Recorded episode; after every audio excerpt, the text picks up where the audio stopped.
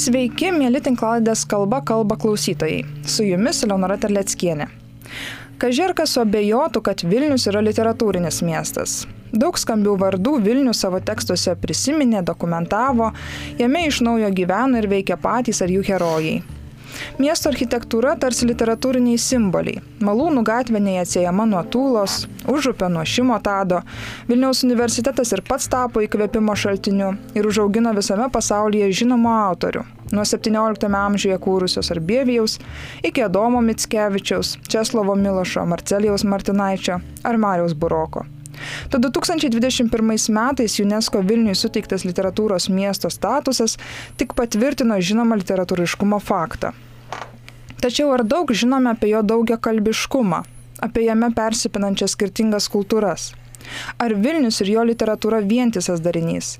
Ar greičiau įvairiomis spalvomis spininti mozaiką? Kaip tai veikia ir ar tebe veikia literatūra? Būtent apie tai šiandien ir noriu pakalbinti ne du mūsų laidos pašnekovus Pirmasis Mindaugas Kvietkauskas, lietuvių literatūros katedros profesorius, literatūrologas, poetas, vertėjas ir kritikas. Sveiki, Mindaugai. Sveiki. Antrasis Rimas Edvard Užgiris, vertimo studijų katedros asistentas, poetas, vertėjas, redaktorius ir taip pat kritikas. Sveiki, Rimai. Sveiki, Leonora. Gal norėčiau pradėti nuo asmeniškumų. Koks jūsų asmeninis santykis su daugia kalbė Vilniaus literatūra? Koks santykis su pačiu Vilniumi? Man literatūra rašyta skirtingomis kalbomis turbūt nebeatsiejama nuo mano vilnietiškos tapatybės. Na, yra tapusi dalimi to, kaip aš jaučiuosi, kaip, kaip suprantu erdvę, kurioje gyvenu ir per tos literatūros tekstus tiesiog yra labai daug atėję santykio su vieta. Mm, aš kartais galvoju, kad kai nu, vat, einu gatvėmis, senamešio gatvėmis, bet ne tik senamešio ir kur nors uh, kitur, uh, pradedu mintimis kalbėtis su tam tikrais autoriais ar žmonėm, kurių biografijas ar tekstus esu tyrinėjęs. Tai nuolat lydi kaip tam tikri atsiminimai, balsai, tekstai, su kuriais viduje ir padiskutuoja ir kurių citatos kartais suskamba, esant tam tikrose miesto vietose. Ir na, man atrodo, kad tai apskritai yra vilnietiškos tapatybės būtinas elementas. Tam, kad susikalbėtume su šituo miestu, reikia pažinti, žinoma, ir kitą kalbį, ir kitą kultūrį Vilnių. Aš, kaip žinoma, esu iš už Atlantus, tai nesu toks Vilnietis, gal jau po dešimt metų šiek tiek Vilnietis, bet uh, aš aplankydavau Vilnių, jau Sovietų sąjungoje buvau čia ir po nepriklausomybės, bet negyvenau iki, iki prieš dešimt metų. Ir aš iš tikrųjų atradau Vilnių kaip literatūrinį miestą turbūt daugiausia per Lenką, per Česlovą Milošą. Ir aš pradėjau skaityti jo kūrinius 90-ais kažkur, jo poeziją, jo eseistiką ir tada jo, jo memoarus. Ir pradėjau mąstyti apie, apie Vilnių būtent kaip literatūrinį miestą per, per lenkišką kūrybą. Aišku, aš angliškai skaičiau jį. Tai, tai toks ir mano santykis biškai kitoks. Aš irgi tais laikais atradau Tomo Venslovą ir pradėjau skaityti, bet, bet ir ne visi jo eilėrašiai, aišku, apie Vilnių, bet jis turi ten Vilnių irgi. Tai aš visada, kaip sakant, turėjau supratimą, kad, kad Vilnius yra daug kalbės miestas ir, ir, ir tapatybė netaip lengva nustatyti čia ir, yra literatūros iš įvairių kalbų. Aš vėliau tik sužinojau apie žydišką palikimą Avram Sutskevar ir, ir kitus, um, kurie ir jidiš rašė, bet aš žinojau, kad jie tą darė skaitant Milošės apie tai kalbą. Man buvo irgi beje labai panašiai. E, Milošas suveikė kaip tas e, katalizatorius. Studijų pradžioje 94-5 e, metai pradeda eiti Milošo knygos lietuviškai Ir nu, jis tikrai veikia kaip tas autorius, kuris atveria kažką, kas yra nežinoma, tarsi kitą realybės lygmenį. Ir miesto apskritai Lietuvos didžiosios kunigaikštystės visos bajoriškos lenkakalbės kultūros. Ir taip, man lygiai taip pat. Milošas buvo katalizatorius, kuris paskui pastumė domėtis. Ir lenkų kalba lenkų autoriais, ir žydų autoriais, mokytis įdiš kalbą ir taip toliau. O mes dabar kalbam apie Vilniaus literatūrą, bet kas apskritai yra miesto literatūra? Kaip ją galima apibrėžti, kokie jos yra, kokios jos ypatybės? Čia geras ir įdomus klausimas, nes galėtum sakyti, kad bet koks poetas, kur gyvena mieste ar gal užaugia mieste, rašo yra miesto poetas. Bet čia būtų labai platu ir, ir ne, neaišku, ar padėtų mums suprasti. Tai daugiausia mes taikom į literatūrą, kur yra kažkaip minėtas miestas, parašytas apie miestą, ar kažkaip tas miestas veikia matomai tam literatūroje. Tai, tai eilėrašiai apie, apie Vilnių, eilėrašiai, kur mini Vilnių kaip vietą, kur veiksmas vyksta ir, ir kur tas miestas turi šiek tiek charakterio, kad atsispindi, kaip jis iš tikrųjų yra. Tai, tai mes bandom taikyti į, į tą, a, tokį literatūrą. Kas yra ta miesto literatūra, kas apskritai būdinga urbanistiniai literatūrai, savoka tokia taikoma literatūros tyrimuose galima žinoma būtų svarstyti. Viena vertus, aišku, santykis tam tikras su miesto erdve, jo patyrimas vienoks ar kitoks, kuris perteikiamas literatūros tekstais ar apskritai na, miestiško įvaizduotė, miesto, miesto erdvės simbolika. Bet, na, kaip tokiuose klasikiniuose miesto kultūros tyrimuose, E, sakoma, na, ar sakykime, Jurijaus Lotmano ar panašiai Henri Lefevro, miestui būding, e, e, labai būdingi perkodavimai tam tikrų skirtingų simbolių, skirtingų kultūrinių tradicijų jungimas ir perkodavimas, hybridizacija. Ir miestas veikia labai stipriai sujungdamas tas skirtingas kultūrinės tradicijas. Todėl, kai kalbam apie miesto literatūros ypatumus, na, vat, šitas jos tarpkultūriškumas, skirtingų tradicijų jungtis vienų simbolių aiškinimas per kitus simbolius ir daugiasluoksnė atmintis taip pat labai būdinga. Daugiasluoksnė. Daugelio, e, daugelio istorinių laikotarpių e, atmintis, kuri e, tuose tekstuose gali būti jungiama. Žodžiu, miesto literatūra apskritai kaip, kaip tokį, nu, kokios kokybės mes, mes joje ieškome, tikrai labai būdinga kultūrinė polifonija. Čia truputėlį dar klausytojams e, pristatysiu, kad e, šį pavasarį judu Vilniaus universiteto filologijos fakultete anglų kalba skaitysite kursą, kuris vadinasi būtent daugia kalbė Vilniaus literatūra, multilingual Vilnius literature. Ir jame yra įvardyjama, kad būtent bus siekiama na, atskleisti, parodyti tą Vilniaus daugiakalbės literatūros fenomeną.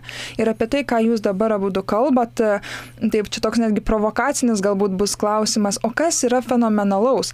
Nes jeigu mes kalbame apie tas apibrieštis, vat, kurias pateikėte, apie tuos, tas ypatybės, tai mes jas tikrai galime pritaikyti ir kitiems miestams. Kuo Vilnius ir kaip jisai atsiduria toj pačioj plotmėje arba toj pačioj karteliai su tikriausiai tokiais tokiais miestais kaip Jeruzalė arba Barcelona? Na, mūsų kursas, kurį e, su Rimu kartu sumanėme ir pasiūlėme, E, tarptautiniams studentams bus įdomus eksperimentas, taip pat ir šituo požiūriu. E, e, nes mūsų dalis grupės bus studentai iš Lenkijos, iš Krokovos universiteto, dalis iš Čekijos, iš Brno universiteto ir gali būti, kad turėsim ir dar, dar įvairesnių tarptautinių studentų. Ir žinoma, kad tas Vilniaus specifikos svarstymas šiuo atveju vidurio Europos kontekste žinoma, kelia klausimų ir įvairiausių palyginimų. Ir man atrodo, kad mums bus kaip tik labai įdomu kalbėti su, su Lenku, e, Čeku ir, ir taip pat e, turbūt ir kitų E, valstybių studentais apie tai, kaip jie mato tą unikalumą. Bet susidomėjimas to mūsų kursų tikrai nemažas. nemažas. Ir, ir Vilniaus daugia, e, daugia kalbio, Vilniaus e, daugia kultūrio Vilniaus ta tematika tikrai atpažįstama kur kas platesnėme kontekste. Nu, kalbant apie tą fenomenalumą, žinoma, kad Vilnius turi daug tų paribio miesto ar vidurio Europos miesto bruožų, kurie apskritai būdingi būdingi ir šiame regione, ir, ir ne, tik, ne tik jame, bet kartu ir tam tikros e, specifikos. Žvelgiant į vidurio Europos plačiaja prasme suprastą kontekstą, tikrai Vilnių būtų galima uh, lyginti uh, ar su Lvovu, sakykime, na, lenkiškai, ukrainietiškai, austriškai, žydišku, ar su čer, černiovcais, černivcais, rumuniškais, ukrainietiškais, lenkiškais, žydiškais, austriškais taip pat. Ar su, sakykime, Triestu, kuris jau yra Adrijos jūros regionas ir kuris jungia italų, kroatų, taip pat austrų, žydų kultūrų pradmenis ir, ir literatūras.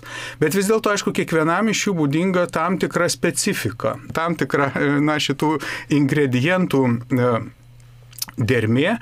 Ir Vilnius vis dėlto yra ypatingas tuo, kad taip klostėsi XIX amžiuje ir XX amžiaus pradžioje, kad čia na, nebuvo tos aiškios, stiprios, dominuojančios kultūros ar literatūros, na, tokios hegemonijos kuri vis tiek būdinga, sakykime, Habsburgų imperijos miestams. Ten uh, austriška kultūra, vokiečių kalba sudaro gana stiprų tą tokį hegemoninį sluoksnį ir nu, pagrindinį etaloną. Vilniuje XIX amžiuje, XX amžiaus pradžioje, kai jis buvo Rusijos imperijos sudėtie, vis dėlto tas santykis su rusų kultūra buvo šiek tiek, šiek tiek kitoks. Ir kur, kur kas sudėtingesnis ir, žinoma, ir, ir, ir labiau, labiau pasipriešinimo, rezistavimo ir ambivalentiškesnis tiesiog. Žinoma, buvo, buvo visai, bet čia vat, yra tas Vilniaus kultūrų ir kalbų santykis Lenkų lenkų, žydų, rusų, lietuvių, šiek tiek ir vokiškas elementas e, Vilniuje yra kuriame nėra tokio aiškaus vienareikšmio dominavimo pavyzdžio.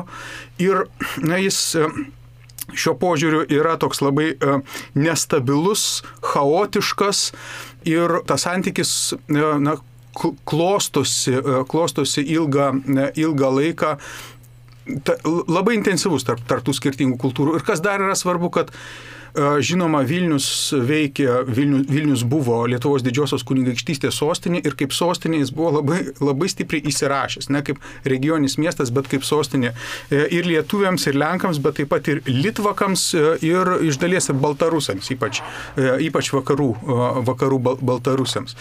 Ir dėl to taip pat varžybo, žinoma, dėl Vilniaus ir konfliktas dėl, dėl Vilniaus buvo toks gilus. Tai galima čia būtų tų, tos specifikos atrasti įvairios, įvairios, bet taip, žinoma, žinoma, pažvelgus į e, vidurio e, Europą, apskritai daugia kultūrinio e, miesto problematiką, tai vienas iš tų variantų taip pat labai įvairialypis, labai, labai įvairus, įvairus savo daugia kultūriškumo miestas.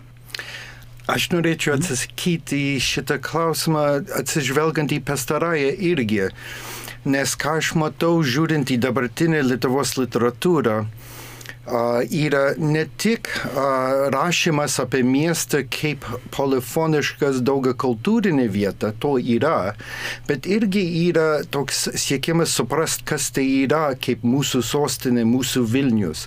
Net žiūrint į, pavyzdžiui, Juditą Vaičiūnaitį, jinai turi eilėraščių, kur jinai kalba apie tą daugiasloksnį Vilnių, įvairialypį Vilnių. Ir turi kitų eilėraščių, pavyzdžiui, Vilnius archeologija, kur jinai jinai lyg tai žiūri tą miestą, bandydama žiūrėti žemyn ir giliau ir kur mūsų tapatybė yra rast, atrandama tame mieste. Ir, ir žiūrint į kitus dabartinius rašytojus, irgi kartais, žinai, jie visai ignoruoja tą kosmopolitiškumą ir jie bando apčiopti, kaip mes čia gyvenam, kas čia yra tas miestas mums, koks mūsų gyvenimas čia. Ir čia susiję su tą klausimą apie daugia, daugia kalbiškumą, nes yra įvairių būdų, kaip galima apibrendinti, kas yra daugia kalbiškumas. Yra, aišku, ten, kaip kalbėjom, kur Lenkas rašo lenkiškai, žydas rašo jidiškai, lietuvis rašo lietuviškai ir panašiai. Čia daugia kalbiškumas. Yra irgi literatūros, kur pavyzdžiui, Undinė Radzevičiūtė rašė Strakaza, kur yra lietuviškas, kur turinys, bet jame yra kitų kalbų kurie yra iš Vilniaus. A, tai Lenkų, Rusų ir, ir ten yra ir veikėjai žydai, kurie kalba lietuviškai, bet su jidiš akcentu. Ir jinai parašo skirtingai jų, jų, jų šneka. Uh, ir, ir čia irgi yra kitoks toks daugiakalbiškumas literatūra. Čia yra lietuvių literatūra, kur bando atspindėti tą palikimą Lietuvos. Ir aišku, tas daugiakalbiškumas šiek tiek žlugo. Mes, mes nesam tokie daugiakalbiški, man atrodo, kai buvom tarp tarpukarį, pavyzdžiui. Ir, ir tai čia irgi gali lemti, kodėl um, pradėjo rašytojai žiūrėti koks mano santykis su miestu, kai, ką aš čia darau. Ir čia irgi, aišku, svarbu yra kontekstualizuoti, nes Lietuvos tapatybė dažnai buvo siejama su kaima ir su gamta ir, ir dabar daug kas atsižvelgia pagaliau į tą miestą ir mes čia gyvenam, tai ką čia reiškia mums. E, norėjau klausti, ir tai, ką, apie ką ir Mindaugas e, užsiminė, Vilnius XIX-XX amžiuje patyrė tikrai labai didelės permainas, tiek politinės, tiek socialinės, ir ta besikeičianti valdžia darė įtaką ir kalbai. Tai aišku, kad e, ta skirtingomis kalbomis rašyta literatūra e, yra tiek organiška, na, žinoma, kad kylanti iš paties e, autoriaus motivacijos ir gali būti padiktuota laikotarpio politinių aplinkybių. Tai būtent, kai mes kalbam, na, galbūt ne visai apie tą mūsų Vilniaus daugia kultūriškumo ir daugia kalbiškumo aukso amžių, bet vis tiek apie vieną turbūt reikšmingiausių, svarbiausių svarbiausių laikotarpių, tai kiek yra natūrali ta literatūra gimusi ir kiek jinai vis dėlto galėjo būti pastumėta būtent dėl kažkokių sociokultūrinių politinių aplinkybių. Žinoma, tos varžybos dėl Vilniaus, konfliktai dėl Vilniaus taip pat skatino ir jo konkurenciją viduje. E, ir pažvelgus taip pat į kitus tuos e, daugia kalbius, daugia kultūrius paribio e, miestus, na, jie turi ir labai skausmingą atmintį ir, ir labai skausmingų konfliktų atmintį. Ir kartais tam tikrų elitų visiškai sunaikinimo kita, kita kalbių elitų. Ir žinoma taip pat ne tik tų nacionalistinių konfliktų, bet ir vėliau antrojo pasaulinio karo metais holokausto atmintį, kai visas žydiškas sluoksnis iš jų iš jų išvalomas. E, ir nu, va, tos nacionalizmo epochos viena vertus, aišku, jos skatino tarpusavio konkurenciją. Dėl tos konkurencijos, sakykime, tai vyko ir, ir lietuvių kultūros raida Vilniuje. 20-ojo amžiaus pradžioje lietuviai taip pat konkuravo savo mokyklomis, institucijomis, knygynais, spauda, ar ne, ypač, ypač su Lenkais, žinoma, bet, bet taip pat ir, ir su kitom tautom, kiek jie toj miesto erdvėje bus, bus svarbus. Ir tai taip pat skatino tą raidą susikurti savo miestišką inteligentiją, susikurti savo, savo verslą, savo, savo tapatybę. Taip, kad lietuviai turi savo milijonierių Petrą Vileišį 20-ojo amžiaus pradžioje taip pat įsirašo į šito miesto turtingosios buržuazijos e, e, sluoksnį. E, ir kita pusė, greta, greta to, kad nu, tai taip pat skatina miesto įvairovę, ta e, kultūrų tarpusavio e, e, konkurencija, žinoma, turi ir tą kitą pusę. Tai, tai yra nacionalizmui būdingus konfliktus ir kai jau na, ištinka, ištinka krizė Vilniuje pirmo pasaulinio karo metais ir, ir tais 18-20 metais, tai pasirodo iš tikrųjų ta tamsioji nacionalizmo pusė ir negebėjimas rasti susikalbėjimo ir visiškas, visiškas atsiribojimas, kuris šitą miestą tikrai labai sužaloja sužaloja, labai, labai stipriai jį, jį sužeidžia. Ir izolacija ir abejingumas vienų, vienų kitiems po to nacionalistinio konflikto Mm, kuris tuo metu įvyko, tikrai paskui buvo labai gilus. E, ir jis tik tai pradėjo spręstis jau nuo lietuvių ir lenkų santykis dėl Vilniaus dialogas, juk tik tai 20-ojo amžiaus pradžioje, e, pabaigoje, 20-ojo amžiaus pabaigoje pradėjo kažkas judėti. Taip pat nuo Milošo ir Venslovos dialogo apie Vilnių, nuo kitų rašytojų dialogų pradėjo kažka, kažkaip tas santykis judėti, o ilgą laiką jis buvo labai, labai išalęs. Aš neblabai papildysiu Mindaugą istorinių klausimų šito, bet aš norėjau pagrįžti į pereitą klausimą, mhm. nes užmiršau atsakyti, jūs klausėte apie kitus miestus palyginti. Ir Aš apie New Yorką gal galiu biški pasakyti, kad ten uh, 20 amžiaus pradžioje ir vidury labai išsivysti miesto poezija, pavyzdžiui. Ir, ir iš pradžių ten buvo bandymas uh, suprasti, kaip poetizuoti miestą, kaip, kaip priimti miestą į poeziją. Ir tada prasidėjo tas daugiau kosmopolitinis spontaniškumas, kur, pavyzdžiui, Frank O'Hara rašė apie miestą ir jo gyvenimą miestą ir tą įvairovę, kuris patyrė. Ir po to pradėjo rašyti imigrantai, ypač iš ispanų kalbų šalių.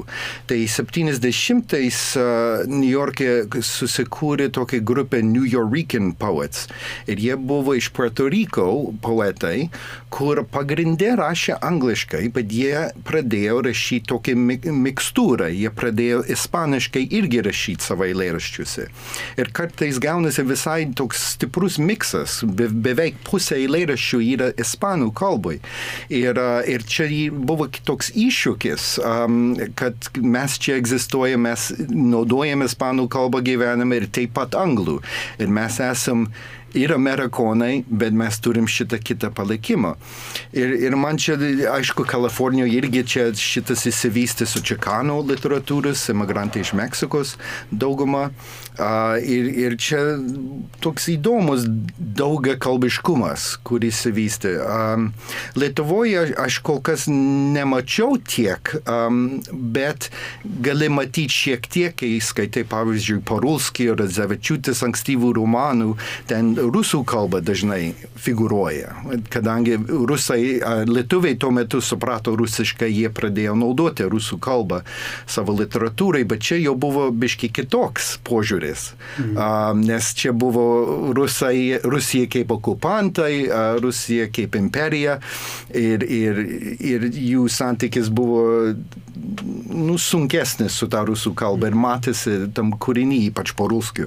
Um, ir Amerikoje yra kitoks fenomenas, kad, kad jie bando įnešti kitą kalbą į Amerikos anglų kalbą literatūrą. Ir uh, aš nežinau, ar aš mačiau tą kol kas, bet, uh, bet kaip, kaip sakėm, uh, biški sumažėjo kurį laiką tas daugiakalbiškumas uh, Vilniui ir, ir um, ir įdomu, ar nauji emigrantai pradės kažkokią kitą tokią tradiciją, kažkokį kitokį rašymą, nes mes turim rašančių iš, iš Baltarusijos, Belarusijos, uh, turim iš Ukrainos net rašančių um, ir iš Amerikos turim. Bet čia įdomu, šitoje vietoje truputį, truputį norėčiau pratesti, kai uh, Rimas kalba uh, apie uh, tą ispanakalbės ir anglakalbės literatūros tokį maišymasi.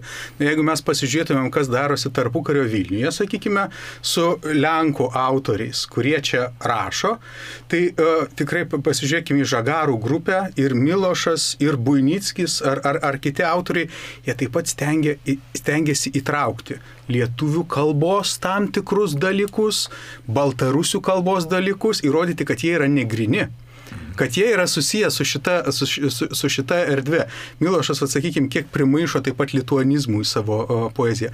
Pati grupė Žagarai, jų pavadinimas taip pat aiškiai rodo sąsąją su lietuvių kalbos šaknim. Tai yra lietuviškas arba, arba žodis nuo žagarų, arba, arba vietovardis, bet nu, jie tą, tą, tą, tą demonstruoja. Su žydais irgi buvo, buvo labai panašiai. Va, vienas Vilniaus žymiausių tarpukario poetų Moišė Kulbakas taip pat savo tekstuose jis vartoja tikrai palyginus labai daug lituanizmų. Jis yra iš Parbio e, teritorijos, iš Smurgainių, kur dar e, tam tikra lietuvių kalbos įtaka, paskui jis ir Kaune gyveno ir ten galima pamatyti tiesiog jidiš kalboje, kiek yra lietuvių kalbos skolinių.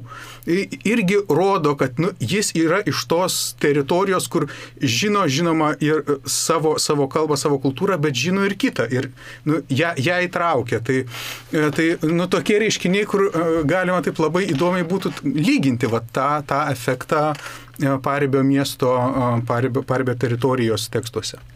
Bet ar nėra taip, kad e, po antro pasaulinio karo būtent, na, vad, kai jau Rimas užsiminė, būtent apie tą daugia kalbiškumo sunikimą, sum, sumažėjimą, nes ar nepradeda figuruoti daugiausia dvi kalbos, na, lietuvių ir rusų po antro pasaulinio karo ir kokia situacija yra dabar, šiandien. Na, jau užsiminėt šiek tiek apie, kad yra to daugio kalbiškumo literatūroje pačioj, bet e, kokia vis dėlto situacija?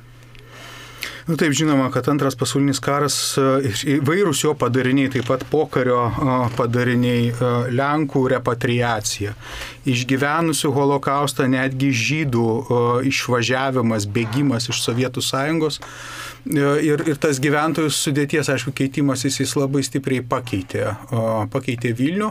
Nu, ir apskritai Vilnius, žinoma, net ir, net ir Sovietų sąjungos sudėtyje tapo kur kas labiau monoetninis negu buvo kada nors iki tol.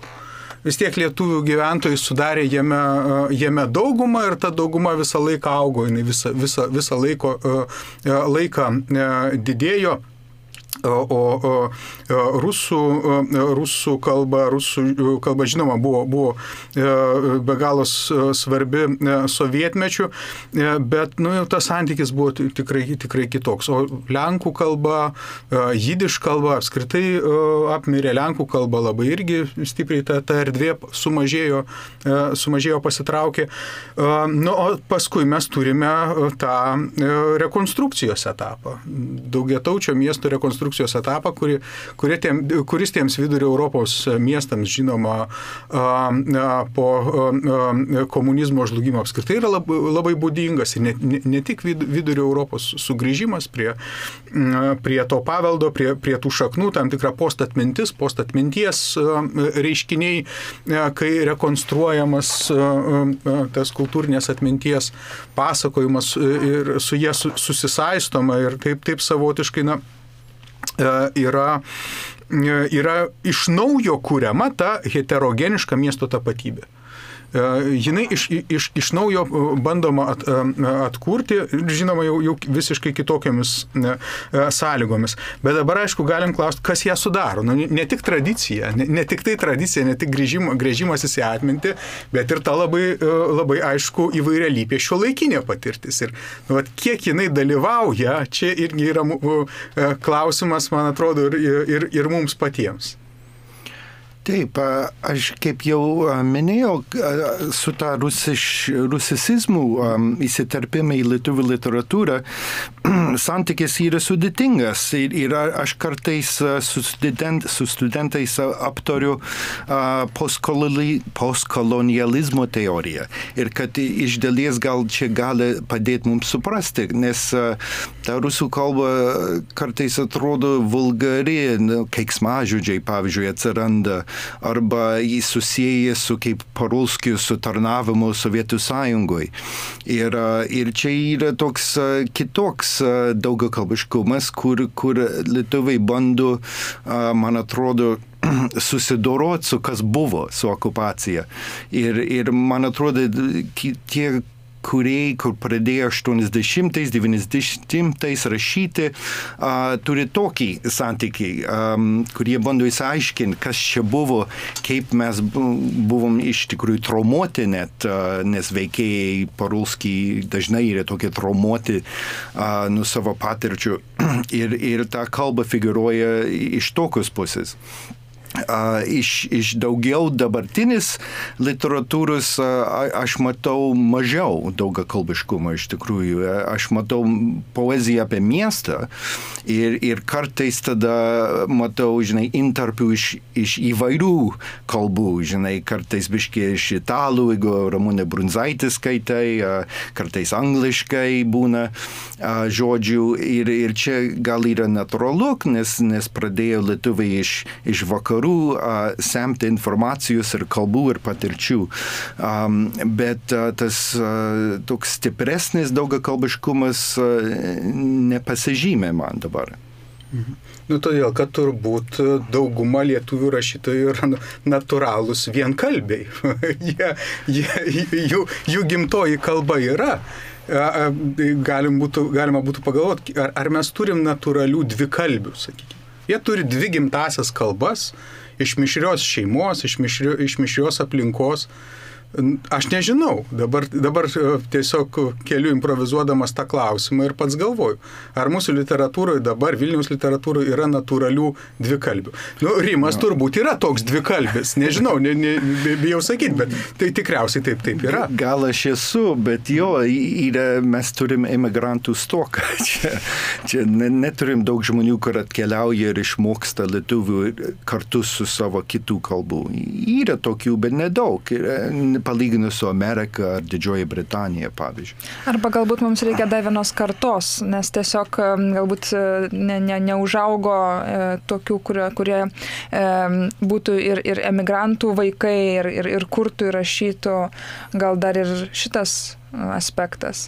Nes aš galvoju, pavyzdžiui, mūsų laidoje svečiavosi Carmen Karo Dugo ir tai irgi labai įdomus atvejis, kai jinai išmokusi puikiai lietuvių kalbą ir verčia ir dabar mums e, mūsų kultūrą transliuoja pačiais gražiausiais aspektais literatūros kūriniais ispanakalbėms. Jo, ir yra pavyzdžiui Davidai Castiglione, kuris iš Italijos atvažiavo ir jis jau yra išmokęs lietuvių, nu jis nerašo lietuviškai, bet nu, neblogai išmoko. Jade Will, kur dabar Latvijoje sėdė, irgi išmoko. Bet su mumis vad, problema yra, nu ar čia ne problema, ar problema, mes išmokom rašyti kitur. Tai, tai mes, aš rašau angliškai, Davidai rašo itališkai, Džeidas kol kas nelabai rašo latviškai, Adam Cullen est, Estijoje rašo estiškai. Tai va jis išimtis, jis rašo ir angliškai, ir estiškai. Bet uh, daugama mes imigrantai, kur išmokom lietuvių ir žinom lietuvių, uh, iš tav, savo įsilavinimą turėjom kitur ir vis dar turim ryšių su tą svetur, su tą literatūrinę gyvenimą svetur. Ir, ir tai mes e, gal nepraturtinom dar Lietuvos literatūrą. Gal, kaip jūs sakot, kitos kartos reikia. Bet tokių tarpininkų tikrai e, tie daugiakalbiai miestai paprastai turi. Ir jie tam, tiems literatūriniams ryšiams duoda e, be galo daug. Ir nu, man atrodo, kad tai mūsų situacija mums tiesiog irgi reikia atpažinti tuos dabartinius tarpininkus, kurie, kurie, kurie veikia, kurie, kurie sujungia, kurie sugeba vat, perkoduoti iš vienos kultūros kodų į, į kitą. Ir per juos užsimesga ta be galo įdomi apytaka. Ir tai yra tam tikras nu, žmogaus sąmonės dalykas. Ne? Ta, ta, ta sąmonė paprastai būna daugias loksniškesnė, sudėtingesnė negu ta viena etninė, nacionalinė tapatybė turinčio žmogaus. Ir labai dažnai ją sunku paaiškinti.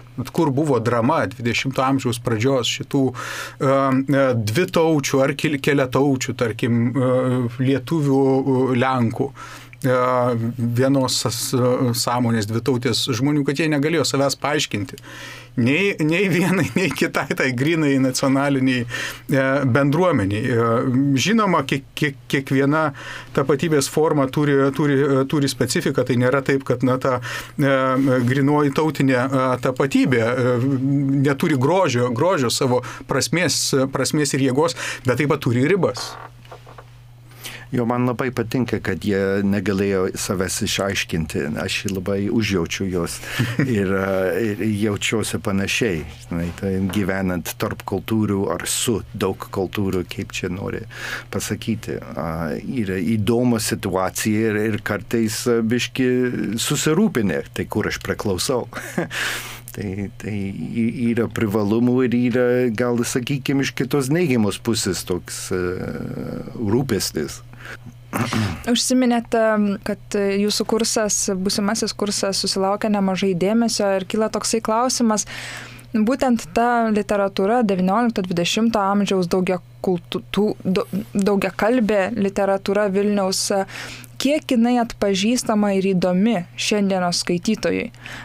Kiek jinai, pavyzdžiui, lenkiškai e, parašyta literatūra, kiek įdomi yra šiandienos e, lenk, lenkakalbėms, ar, ar, ar tai vis dėlto jinai paliečia tokius universalius klausimus, kurie nepriklauso nuo kalbos. Na, sunku pasakyti, aišku, kaip, kaip kuri ta mūsų interpretacinė bendruomenė, skaitytojų bendruomenė dabar suvokia tuos tekstus.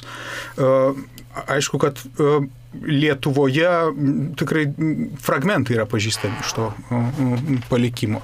Kai kur, kai kur labai e, didelis yra tas sugrįžimas, na, tikrai sugrįžęs yra e, Milošas e, į tą Vilniaus kultūrinį samoningumą labai giliai, labai stipriai. Nu, pastaraisiais metais tikrai ir uh, Tadeušas Konvickis uh, ir Juzefas Matskievičius uh, su savo uh, romanų vertimais uh, čia taip, taip, taip, taip pat pasirodė, jis, įsirašė, įsirašė toje atmintyje, bet labai daug kas yra mm, nepažįstama, autoriai, kurie tikrai labai menkai ką nors uh, sako.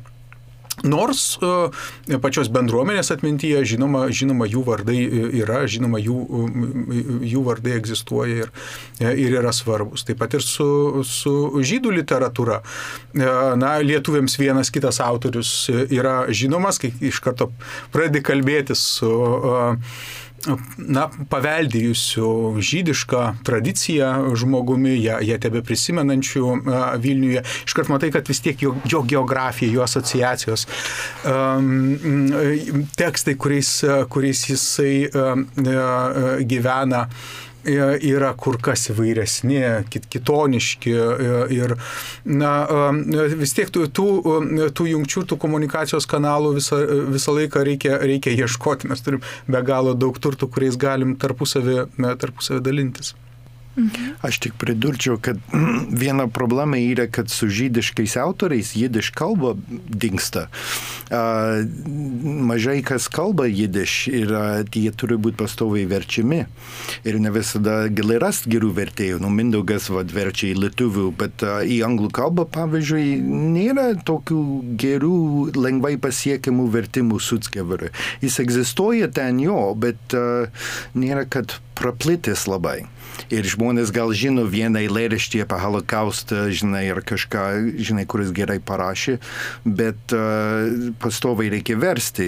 Ir, ir šydiš yra, atrodo, šiais laikais biški problematiška palyginti su Lenkais, pavyzdžiui. Taip, bet, bet greta, va, pasai, pasakius Sutskeverį, iš karto galima sakyti, visa poetų grupė Jungvilnė tarpukario, tarpukario Vilnius. E, Sutskeveris po karo tapo, tapo žvaigždė. E, panašia, panašia žvaigždė tapo Haimas Gradė, e, jo, jo bičiulis iš jų Vilnių, kurio lietuviškai galima perskaityti tikrai kol kas nu, labai nedaug.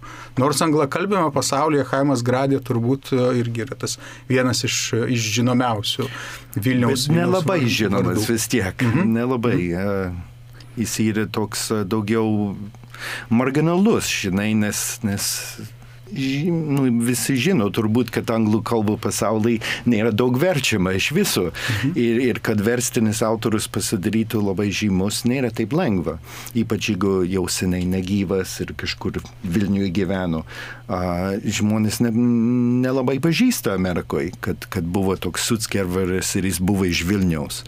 A, jie, jie jau žino apie Myvošą gerai, ten jis laimėjo Nobelio premiją, čia padeda.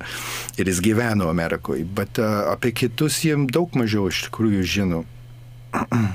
Bet na, va, tas irgi yra klausimas. Um, mes turim be galo daug autorių, vardų, tekstų ir e, iki šiol tam tikri fragmentai yra pažįstami. Tam tikri vardai tampa simboliais, tokiais bendriniais simboliais, kaip Milošas, sakykime, Amerikoje ar, ar, ar Vilniuje, e, Lietuvoje, bet e, man atrodo, kad daugybė dar prasmių glūdi, ne, nepajudintos, ne, neprisimenamos. E, ir galima būtų sakyti, nu va, iš tarpukario Vilniaus avangardo tarpukario Vilniaus avangardo. Mes dar tik atradinėjom, praded, pradedam atrasti va, šitą, e, šitą sluoksnį. Lietuviams pažįstamas tarpukario Kauno avangardas su keturiais vėjais, trečių frontų ar panašiais. Bet Vilniaus e, be galo eksperimentiški, labai labai drąsūs, provokat, provokatyvūs e, tekstai, ne, tek, ne tik tekstai, taip, taip pat ir, ir menininkai, tarkim, kaip fotografas Mošė Vorobeičikas Moiveras, nu tik pastaraisiais metais sugrįžta, taip pat ir tą patį miestą, pamatyti matyti kitų aspektų, ne tik tai kaip tą, na, tikrai labai ilgą tradiciją, bet ir kaip, nu, labai radikalaus kultūrinio, kultūrinio maišto erdvę. Ir tai šio laikiniams autoriams, šio laikiniams poetams, tai, tiems mūsų neovangardistams, tai, tai galėtų labai puikiai kalbėti. Tai vadinasi, kad mes iki pačiol neturime susiformavusio, net galbūt mums nėra pažįstamas tikrasis 19-20 amžiaus Vilniaus literatūros vaizdas, daugia kalbės Vilniaus literatūros vaizdas. Žinoma, kad per vertimus jo, jį dar galima susidaryti tik tai dalimis. Tik tai, tik, tai, tik tai iš dalies. Tai žinoma yra taip pat vertimo problema ir kalbų mokymosi problema, kaip Rimas ir kalbėjo. Iš tikrųjų, tas santykis susikūrė, kai tu moki kalbą. Ir klausimas šiuolaikiniams lietuviams ir, ir, ir, ir literatams ir studijuojančiam jaunimui. Nu, kiek, kiek, kiek mes galime prieiti prie šitų šaltinių, nemokėdami kalbų. Vis tiek man atrodo, kad tas kalbas, kurios sieja su, su savoju miestu, su savaja erdvė, tiesiog būtina mokytis. Kas tai bebūtų. Ar tai būtų Lenkų, ar tai būtų, ar tai būtų Jidiš, ar tai būtų Baltarusių, ar tai būtų Rusų, galų galę net ir vokiečių kalba padeda atrakinti nemažai iš to, iš to palikimo, kuris kitaip ne, neprieinamas.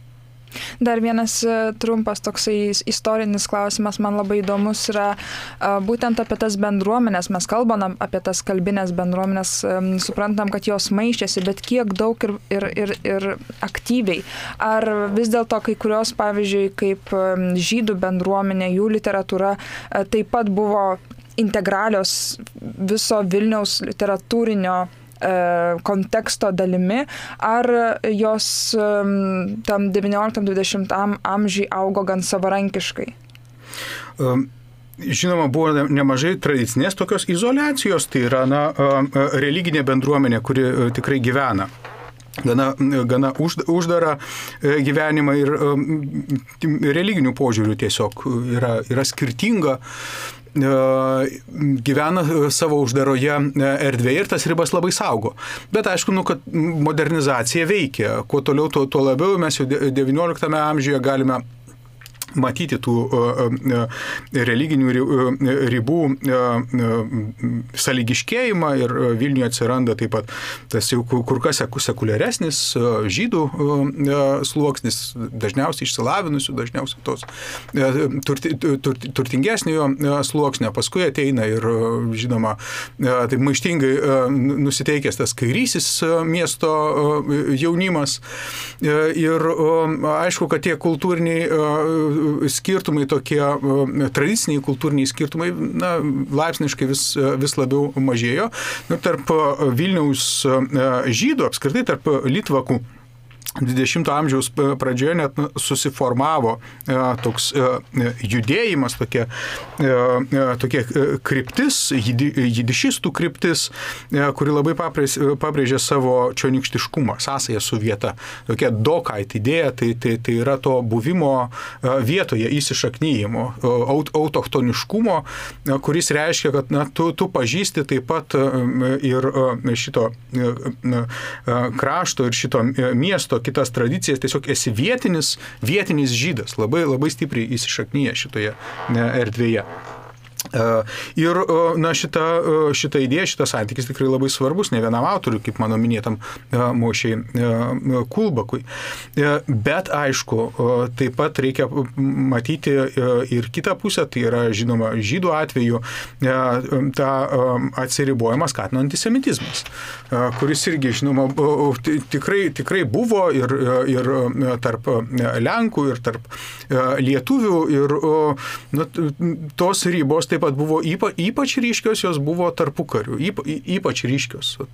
To nacionalistinio konflikto metais, taip pat ir tos antisemitinės nuostatos, nu ir kad kai Milošas sako, kad jis čia pat studijuodamas Vilniaus universitete praktiškai e, nežinojo, nebuvo skaitęs šalia kūrenčių poetų, to paties Utskeverio jam nebuvo, nebuvo žinoma, tik paskui Amerikoje jisai pažino e, ir, ir, ir asmeniškai e, susipažino ir perskaitė tuos tekstus. Tai tikrai rodo, kad miesto bendruomenė bendruomenės gyveno gana stipriai, stipriai izoliuotai. Ir dabar galvojant apie mūsų dabartinį gyvenimą, taip pat kyla klausimas, kiek na, mes čia žinoma atviri, žinom, žinoma liberalų, žinoma jau, jau didelė, didelė dalimi tas E, gyvenimas e, e, be galo skiriasi nuo to, kas, kas, kas buvo to nacionalizmo dominavimo laikotarpiu, bet man atrodo, kad izolacija tebe išlieka.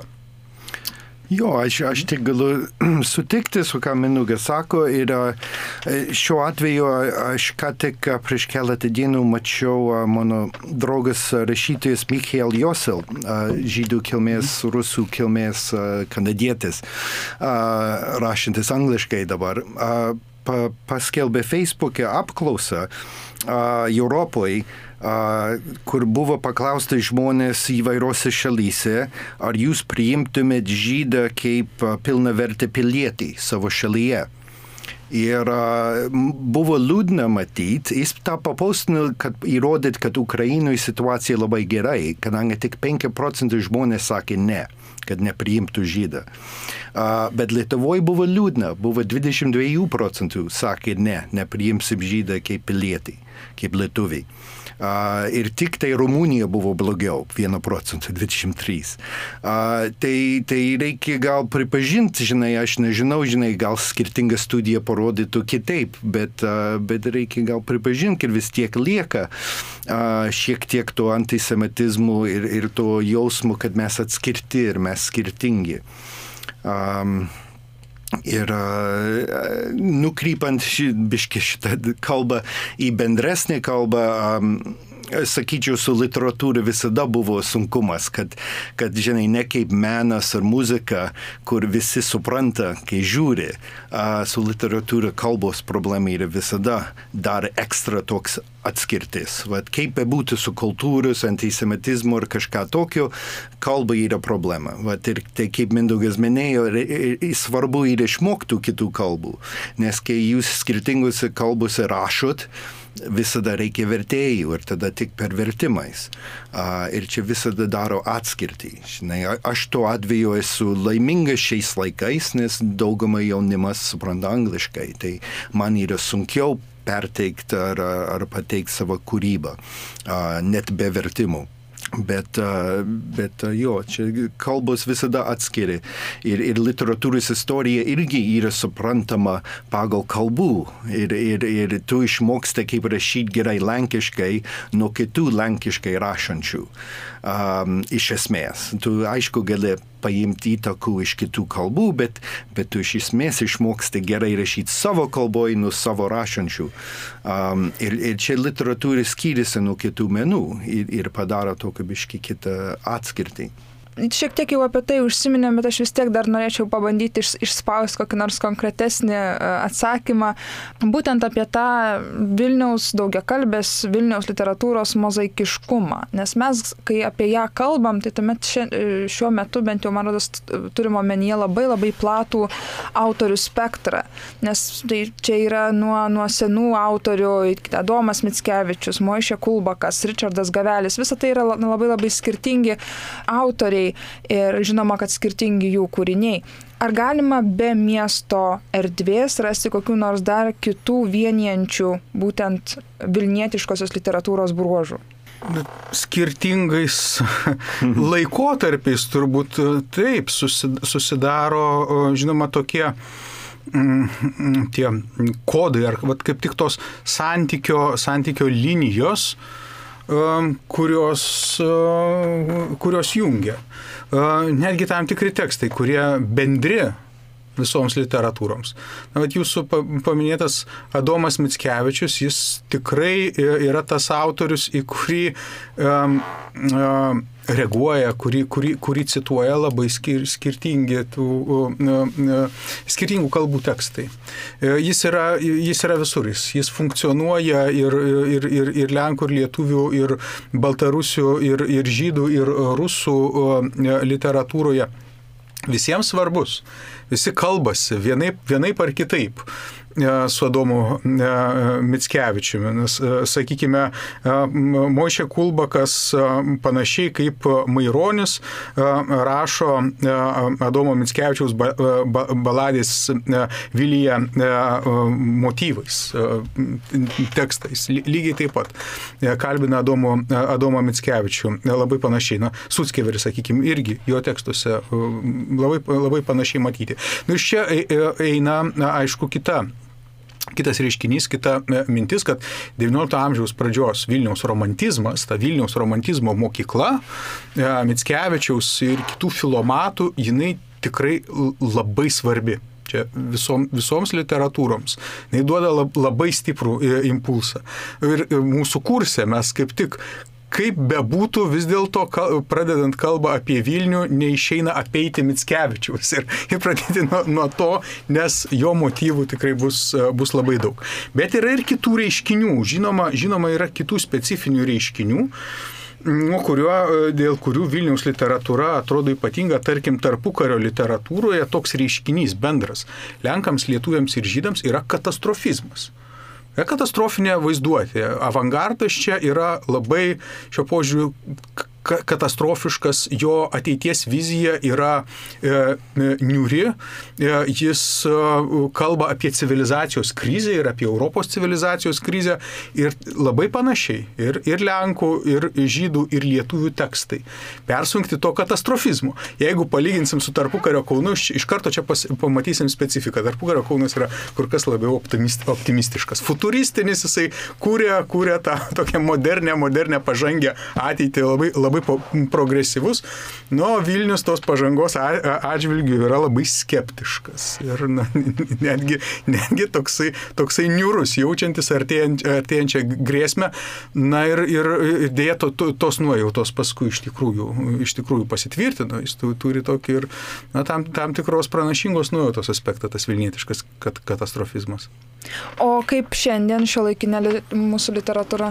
Nu, aš galvoju apie jūsų klausimą ir, ir jis įdomus, bet labai sunku atsakyti, ką bendro Lietuvos Vilnius literatūra turi, kur skiriasi nuo kitų, žinai, miestų literatūrų.